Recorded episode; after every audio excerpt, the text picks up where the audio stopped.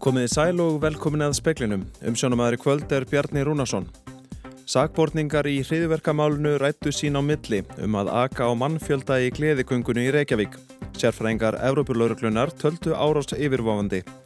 Framkvæmdastjóri N4 á Akureyri segir það hafa verið fyrir tilstuðlan Þingmanns framsóknar frá Akureyri sem hún sendi 100 miljón krónar styrkbeðinni til fjárlaganemdar. Máur framkvæmdastjórans þvertekur fyrir að hafa verið vanhæfur í málinu. Stjórnvöld heims eru langt frá því að ná markmiði um að halda hlínun jarðar innan einnar og halvrar gráðu. Nýtt stöðum að lofslagsraðs leiðir í ljós að stjórnvöld hérlandi þurfi að spýta verulega í lóana. Hjúgrunafræðingar í Breitlandi segjast verað að kikna undan álægi. Á annað 100.000 lögði niður störfi í dag. Kjarnasamrunni sem bandreiskir vísindamenn greindu frá í vekunni áskilið Nóbersvölun og gæti umbylt orkugeiranum. Þetta segir orkumálastjóri en sé þó langur vegur í að hægt sé að hagnýta aðferðina. Sérfræðingar í málefnum hriðiverka hjá Evrópulauruglunni töldu sagbortningana tvo í hriðiverkamálunum vera við það að grípa til aðgerða. Laurugla leitaði álit sérfræðinga Europol við hriðiverka, hriðiverkamálsins. Mennirnir sem voru í haldi lauruglu í tæpar 12 vekur eru nú lausir en sangvært gæsluvarðhalds úrskurði rættu þeir meðal annars um að keira trukk á mannfjölda í gleðigöngu hinsegindaga í Reykjavík. Þá er það mat sérfræðinga Europol að hægt sé að skilgreina þá sem hóp með tilliti til öfga hugmyndafræði, meðal annars vegna undirbúnings, einangrunar, þjálfunar og þekkingar á vopnum. Og sem hópur væru þeir reyðbúnir að fremja hriðverk. Landsréttur byrti í dag gæsluvarðhalds úrskurði yfir öðrum manninum en dómurinn ákvað á þriði dag að sleppa báðum sagbortningum í málunu. Þeir hafa verið ákjæðir fyrir tilraun til hriðverka og hlutdelt í þeirri tilraun. Nemndarmenn í meirulhuta fjárlaga nemndar þverrtaka fyrir að Stefán Vagn Stefánsson, þingmaður framsóknar, hafi verið vanhæfur til þess að undriða nemndarálit þar sem lagt var til að miðlar á landsbyðinni sem framleiða sjóasefni fái 100 miljón krónastyrk. En fjórir á Akureyri er annar tveggjamiðla sem falla undir þessa skilgjöningu. Framkvæmdastjóri N4 er mákona Stefáns Vaks sem segist að var setið hjá við aðkvæðgreðslu nefndarinnar um málið. Ég tók ekki þátt í því að afgræða þetta mál í meira lutanum. Þannig að þú komst ekki nálat afgræðslu þessa máls með nokkrum hætti? Ekki nema að samþykja meira luta nefndarálit, meira luta fjárlega nefndar og svo greiða málinu atkvæði e, í þingsal. Vilhjálmur Átnásson, nefndamaður sjálfstæðisflokks, segir Stefán Vagn ekki vanhæfan. Telur þú að Stefán Vagn hafi mögulega verið vanhæfur til þess að ja, koma að þessu meiri hluta áliti ykkar fjárlaganefndar þegar var tiltekið þessi 100 miljónu okkarna styrku til fjölmela út á landsbyðinni? Nei, þar sem að þetta er bara almenn hækkun á fjárlagalið sem á svo eftir að, að deila útsangandi reglum menningamálar ánættisins þannig að við vorum ekki afgreða fjármunna til lengs aðila að og þar að leiðandi koma þessi tengsl ekki þannig til það er við útlutununa á fjármunnunum og svo bara eftir að koma ljós hvort að enn fjórir eða einhverja aðrir fái, fái þetta eða hverjir það eru. Marja Björk Ingvadóttir, framkvæmdastjóri N4, segist hafa talað fyrir döfum eirum um þungan rekstur N4 í marga mánuði. Hún segir hins vegar að það hafi ekki verið Stefán Vagn, máur hennar til fjóra áratöga, sem veitti ákalli hennar eftirtekt, heldur Ingi Björg Ísaksen, flokksistir hans. Ingi Björg er þingmaður norð-austurkjördamis og fyrirverandi bæjarfulltrúi á Akureyri. Stefán Vagn hefur verið máum minn í 43 ár og ég er ekki svo vitlaus að ég fari að setja hann í þá aðstöðu að þurfa að fjalla um erindi frá N4. Hins vegar er ég búin síðan, já, allavega frá mars á þessu ári, að hrópa allstæðar hvað þessi erfitt að reka þennan fjölmiðil og hvernig horfurnar eru og það náði loksins eirum þingmanna og einn þeirra sem, eða einn þeirra, heitir Ingeborg Ísaksen, hún hafði samband og sag, spurði mig í hverju vandin væri fólkin og uh, vildi fá greiningu á því frá mér og ég skrifaði þetta bref uh, fyrir hennar orð. Stefan Vagn kom hverki nálagt því. Saði Marja Björk Ingvadóttir, Otur Þórðarsson tók saman. Fyrirverandi sjávarútvisar á þeirra Namibíu saði þarlendum dómstól að aðrir sagbortningar í myndu mútumáli sem tengist samherja hefðu notfært sér hann og nafn hans. Namibískir fjölmiðlar segja að í gær hafi orðið all nokkrar vendingar í fissráttmálinu svo kallaða sem fjallað var um í samherjaskjölunum. Þá saði Bernard S.A. fyrirvirandi sjávarútveksar á þeirra að aðrið sagbortningar hefðu notfær sér sig og napsitt en að sjálfur væri hann saklus af þeim brotum sem ákjart þeir fyrir. Þetta gerðist þegar tekin var fyrir beðinni S.A.s um að losnur gæslufarðaldi sem hann hefur sætt síðustu árin. Namibískir fjölmiðla segja sumir að þarna hafi hann í raun í fyrsta sinn viðurkend að lög hafi verið brotinn þó sjálfur sé hann saklaus. Lögumar S.A. sagði fyrir vikun að tíu menn sem sæta ákæru væru fornalöm stjórnvalda. Þeir hefðu sætt gæsluvarðaldi árum saman og stjórnvald komið fram við þá sem glæpamenn. Þau hefðu í raun álitið að mennirni væru segir unn sakleysi þeirra er þeir sannað. Brynjólfur Þór Guðmundsson saði frá. Lauraglan á Norðurlandi Eistra hefur fengið niðurstöðu úr lífsína rannsókn frá Svíþjóð vegna skotarásarinnar á Blöndósi í ágúst. Tafir urðu á rannsókn lífsínana Eitra vegna hreinu alvarleira sakamála þar í landi. Aðstóðar yfir lauruglu þjóttn hjá rannsóknardelt lauruglunar á Norðurlandi Eistra segir niðurstöður úr lífsínarannsókn hafa borist á dögunum eftir nokkuð lengri byð en venjulega. Þær verði borðnar saman við önnur gögn og skýrslutökur geti nú haldið áfram. Niðurstöðurnar verði borðnar undir aðelamálsins eins og venja er í rannsóknum sem þessum. Þá eru oftast síni eins og blóð, sviti eða hár sem sapnað er á vettvangi til dæmis af fötum þeirra sem tengjast málinu. Það getur skipt sköpum fyrir rannsókn til dæmis hvar lífsíni finnast og hvort það stemmir við frásögn vitna og sakbortinga. Láregla telur ólíklegt að nýðurstaða liggi fyrir í málinu fyrir áramót. Rannsóknin hefur staðið síðan 28. ágúst. Þá réðist maður inn á heimili á Blöndósi, skaut konu til bana og særði mann alvarlega. Árósar maðurinn fannst látin á vettvangi og Láregla hefur ekki gefið upp hvernig andlát hans bar að. Láreglan á Norðurlandi Eistra hefur annað umfangsmikið sakamál til rannsóknar. Á Ólafsferði lést maður eftir nýfstungu aðfara nótt 3. oktober en í því máli er beðið eftir niður stöðu úr lífsínarannsókn frá Svíþjóð. Ólaf Rún Erlendstóttir saði frá. Bandarækjastjórn ákvaði í dag að beita refsi aðgerðum gegn næst ríkasta manni Rúslands, Vladimir nokkrum Pótanin, sem saður er handgengin Putin fórseta landsins. Banki sem Pótanin keifti fyrir á þessu ári er líka á lista yfir refsiðagerðir.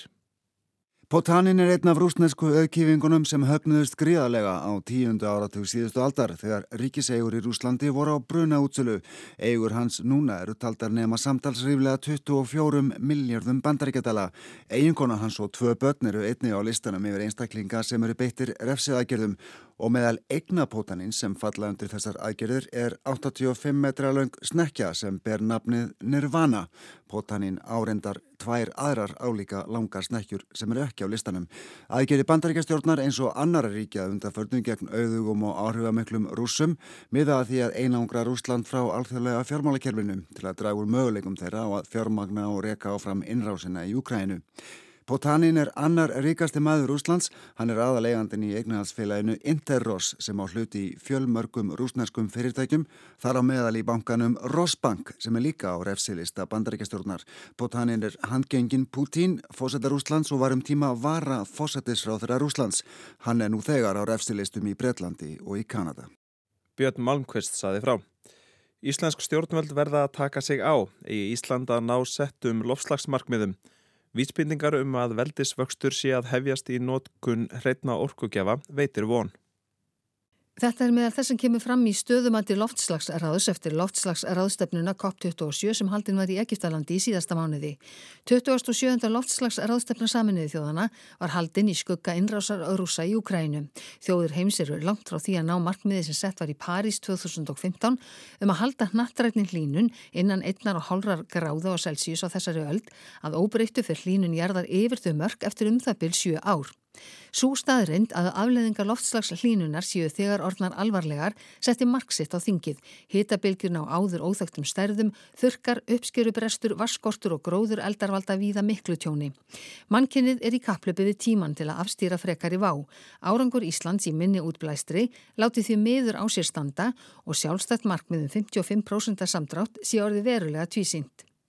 Árlegar kopp ráðstefnur á samt sívaksandi áhrifum loftslagsbreytinga ár frá ári ættu að vera íslenskum stjórnvöldum ærið keppikepli til þess að sína meiri árangur. COP28 verður haldin í Dubai að ári og að mati loftslagsráðs þurfa þjóðir heims að segja skýrt hvað þær hafi gert og hvað þær ætli að gera. Tíminn stittist og svegrúmið mingar. Loftslagsráð vonar að Ísland mæti til leiks, klifjað vitnisspörðum með meiri árangur, oft sé þörf, nú sé nöðsinn, klukkan TV. Jóhanna Vigdís Hjaltadóttir tók saman.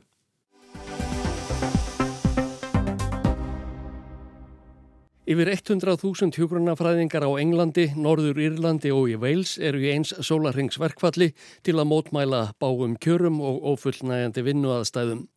Stjættarfélaga þeirra, eh, Royal College of Nursing eða RCN, fer fram á 19,2% að launahækkun.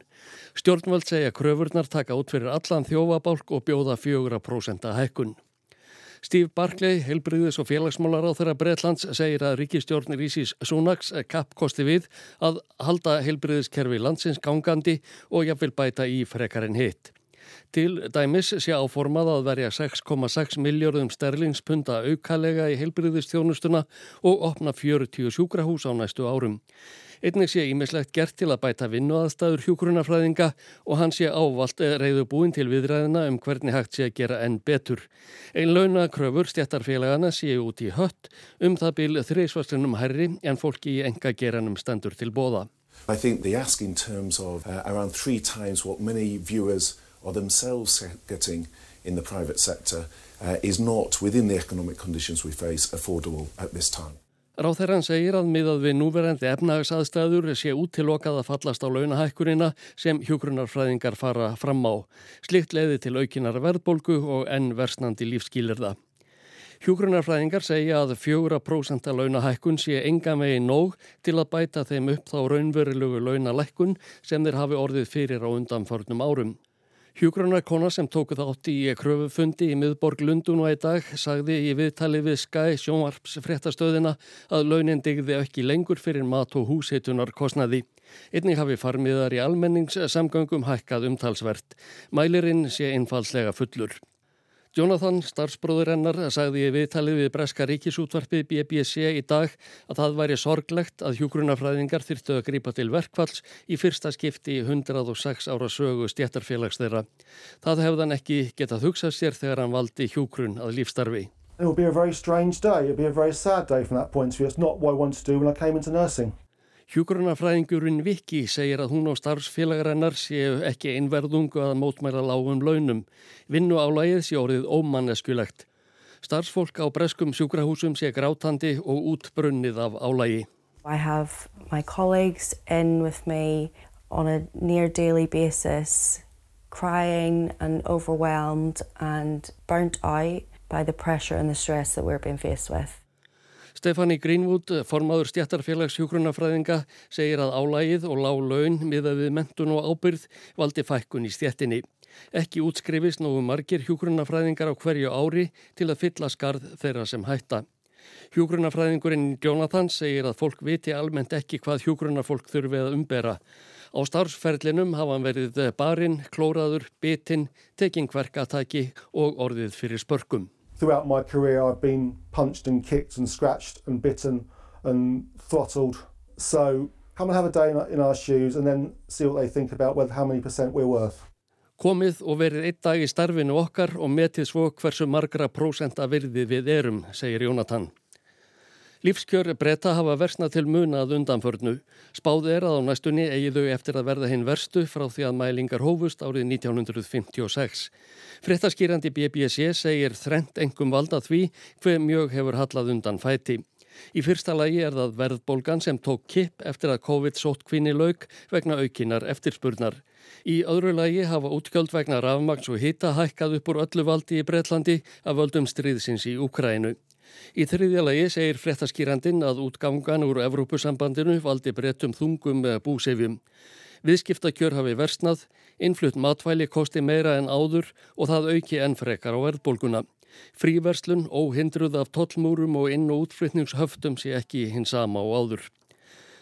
Aðtekli vekkur að skoskir hjókrunafræðingar lögðu ekki niður vinnu í dag eins og starfbræður þeirra og sýstur annar staðar í Breitlandi. Viðræður standa yfir um kaup þeirra og kjör þannig að þeir taka ekki þátt í aðgerðunum í byli að minnstakosti. Ásker Tómasson saði frá.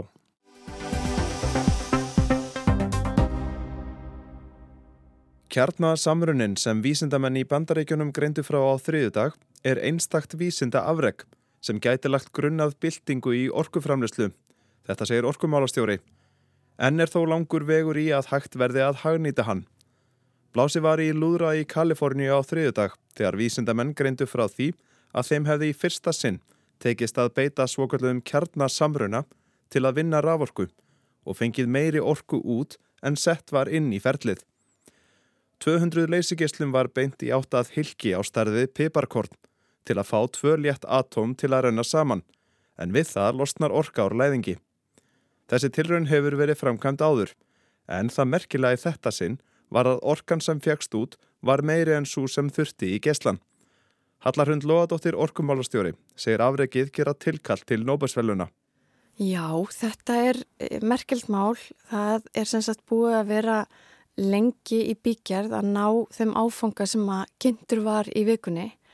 Í raun og veru, ef maður ætti að einfalda þetta, að þá má segja við séum að horfa á kjarnasamruna sem er framkvæmdur á tilhörnastofu og sem er einskunar hermun í sjálfu sér eftir eh, kjarnasamruna bara eins og hjá sólinni.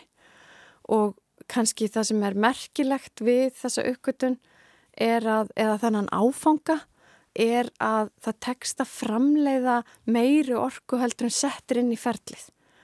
Og það þýðir að ef að það væri hægt að hagnýta svoleiðisferli að það væri mjög góð leið til þess að framleiða orku sem að mengar ekki og að því að þegar maður hugsa um kjarna eitthvað þá fyrir fólk ofta að hugsa um sko kjarnorku og, og, og úrgang og, og mengandi efni og annað En í þessu tilfelli eru við að tala um kjarnasamruna sem að leiðir ekki af sér þessa þætti. Þannig að aftur ef að það myndi takast að hagnýta þessa uppkvötun eh, þá væri heimurinn í tölvört öðrum málum en hann er í dag varandi láttlasmáli. Og hvernig gera mann þetta?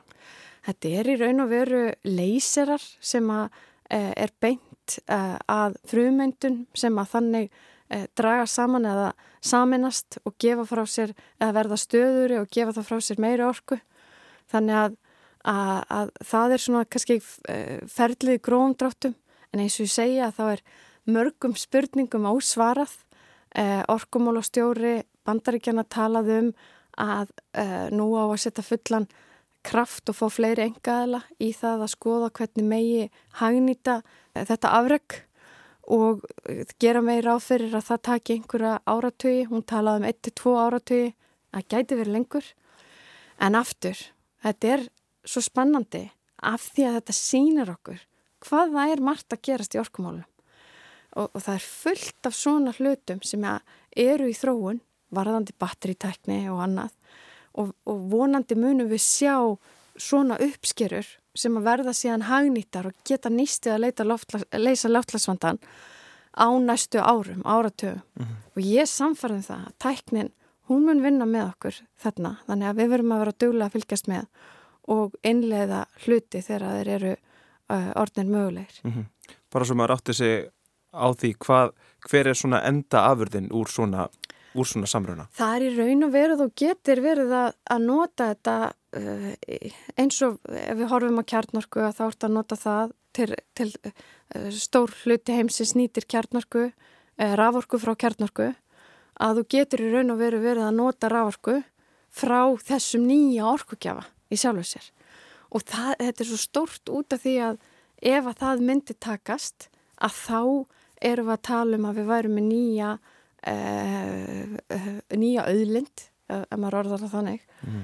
sem að hefur ekki mengar ekki og, og á, hefur mjög mikla möguleika í, í starri samingi mm -hmm. en eins og segi það er mörgum spurningum ennþá ósvarað en veistu þetta er eitthvað sem er búið að vera að vinna að sko ekki bara undarfarna einn áratögu að tvo heldur miklu lengur en það þannig að vísinda afrækið er mjög stórt og uh, ég held að séu allir sammála um að, að þetta sé líklegur sigurveri þegar við horfum til Nobel-söluna. Hversu raunast er að þetta breyti einhverju í orkumálum heimsins bara með tilliti til þess sko, hvað þetta kostar og, og mhm. hversu -hmm. flókin búnar þetta er og, og þar fram með til göttunum? -hmm. Það er einmitt það sem að þarf að gerast núna. Það vantar bæði að e, fjárfesta og þróa e, sterkari leysir raun og veru miklu öfluri til að það sé að, að stækka það sem að gerðist, þetta afreg sem átt sér stað. E, það vantar að hangnýta allt ferlið í sjálfu sér. Þannig að við, svarið er í raun og veru við vitum það ekki nákvæmlega. En það að það sé búið að sanna að þetta sé hægt, það eru risafréttinar sem gera það verkum að nú er þetta einbætsera því að besta heina hlut, hlutina og vonandi eins og við höfum séð með aðra tækni nániðu kostnaði eh, gera það verkum að, að þetta sé raunverulegu möguleiki og svo framvegs og ef við náum því að þá er bjart framöndan á marga vegu. Mm -hmm. Það getur við hvart allt sem heitir kól og, og jarðefna elsniti og þar fram til göðunum? Já, svona uh, lausnir uh, eru þess eðlis að þetta er í raun og veru grunnafl. Þetta er ekki eins og uh, vindorka eða annað, þetta er stöðugt í framlegslu þannig að það líka býður upp á svo marga möguleika en aftur, við þurfum að fagna þessum áfanga eins og öllum áfangum en halda áfram að, að fylgjast með og, og fjárfesta í nýri tækni því að tæknin er mikilvæg til að leysa loflasvanda.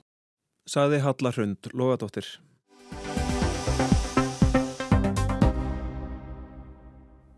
Neikslismál skekur nú yfirstjórn sænsku lauruglunar. Rætt er um yfirhilmingu og þöggunar tilbyrði í tengsli við meinta áreitni, líkamsárás og umsáturs einelti eins af aðstu yfirmönnum lauruglunar í Svíþjóð. Kári Gilvason í Gautaborg tekur við. Mats Löving og Linda Staff eru engin almenningur. Löving er einn af allra hæst settu yfirmönnum sænsku lauruglunar. Staff er yfirmaður innan NOA aðgerðadeildar sænsku lauruglunar. Meint samband þeirra tveikja og fræntikli sem síðar umbreytist í meinta áreitni og umsáturs einelti skekur nú yfirstjórn sænsku lauruglunar. Málið nær nokkur ár aftur í tíman til ársins 2015 þegar Löving var yfir aðgerðadeild lauruglunar og réði staf til starfa. Sakant fréttum Expressen í byrjun þessa mánadar áttu þau í einhvers konar sambandi um tíma. Sambandið fór þó ekki hátt og segir staf að það hafi verið yfirbólskent. Löfing hætti síðar hjá Nóa og varð yfirmaður lauruglunar í Stokkólmi og á Gótlandi og staðgengil ríkis lauruglu stjóra Svíþjóðar. Fyrir um ári síðan fór staf svo að óttast um öryggisitt. Hún leitaði til öryggisfulltrúa sænsku lauruglunar sem brást við með því að leggja fram kæru á hendur löfing fyrir áreitni og umsáturs einelti. Í Expressen og Aftonbladet segir að löfing hafi árum saman fyllt staf eftir og reyndað stjórna henni, meðal annars hafi hann ítrekkað skotið skindilega upp kollinum þar sem hún var stödd hverju sinni, til dæmis í bakari, á bathúsi eða í göngutúr. Saksóknari sem fekk málið á borð til sín var snöggur að taka ákvörðun. Tveimur sólarhingum eftir að öryggisfulltrúi sænsku lauruglunar lagði fram kæru komst saksóknarinn að þeirri niðurstöðu að ekki væri ástæða til að taka málið til rannsóknar. Það sem hefði gerst væri ekki ólöglegt. Eftir að fjölmiðlar fóru að fjallaðu um málið nú í desember kom svo fleira í ljós. Meðal annars að Löving hafði áður verið kærður Sænska ríkisjónarbið segir sig hafa heimild fyrir því að Löving hafi verið kæriður fyrir brot í starfi þegar hann réð staf til starfa á sínum tíma. Málið var kannad af þar til bærum yfirvöldum í fyrra en þeirri skoðun hætt. Aukþess fekk staf útlutað skotvopni þegar hún var undirmaður Lövings að þér virðist án þess að næjanleg ástæða væri fyrir hendi og án þess að hún hefði farið í gegnum þann undirbúning og þau námskeið sem gerð er fortagslaus krafa um. Mats Löving skrifaði sjálfur undir að útluta ætti henni skotvopni eftir að aðrir hafðu neitað að gera það. Og árið 2020 lagði annar yfirmaður innan sænsku lauruglunar fram kæra á höndir Löving fyrir líkamsárás á stað. Þessi málöll virðast ekki hafa leitt til neins. Í frétt dagans nýheter er haft eftir fjölmörgum heimildamönnum blaðsins innan sænsku lauruglunar að vaksandi óanægja sé með hvernig bröðist hafi verið við málunum. Engin sem þekkir til málsins beri minnsta tröst til þess hvernig á því var tekið. Dagans nýheter hefur eftir einum heimildamanna sinna innan lauruglunar að þöggunar menningin og óttin við að segja skoðun sína séu svo útbreytt innan sænsku lauruglunar að maður verði myrkfælin.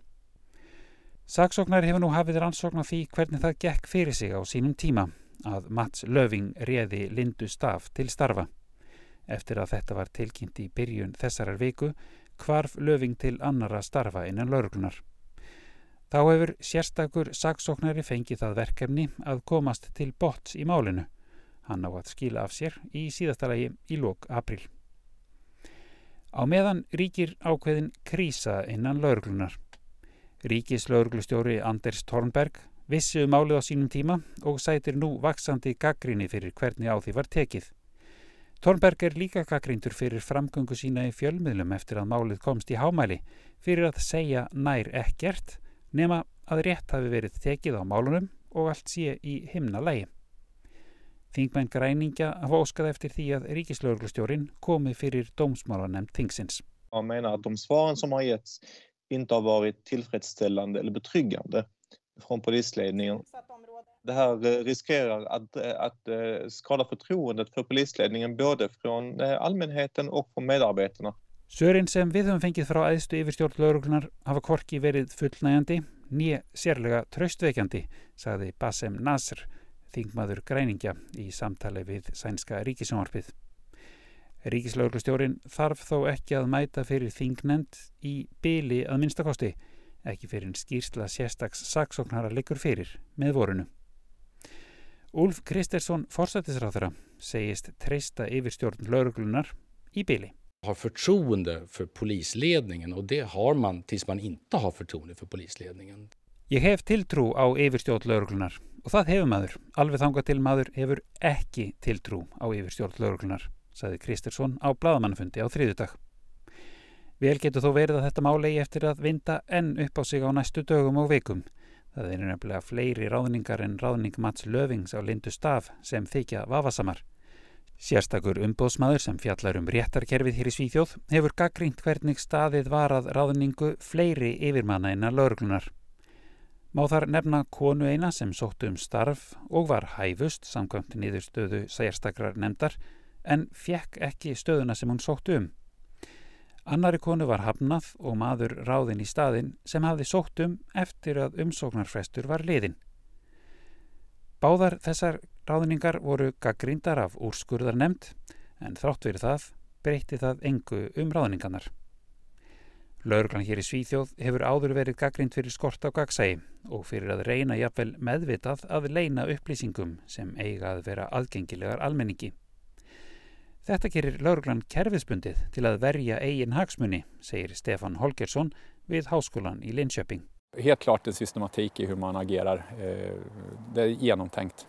Holgersson segist til dæmis hafa mætt mikilli tregðu þegar hann óskaði eftir gögnum frá lauruglunni sem staðfestu það sem ákveðin yfirmaður hafi sagt um eigin mentun. Holgersson fjekkað lokum gögnin eftir öðrum leiðum og þá kom í ljós að yfirmaðurinn hafði íkt eigið ágeti.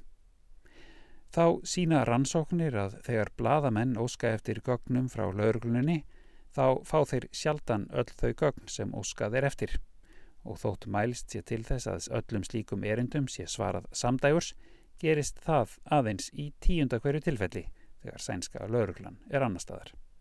Þetta er Kári Gilvason sem talar frá Gautaborg. Og helst var það í speklunum í kvöld að sagbortningar í hriðverkamálunu rættu sín á milli um að aka á mannfjölda í gleðigöngunni í Reykjavík. Sérfræðingar Európa-lauruglunar töldu árás yfir vofandi.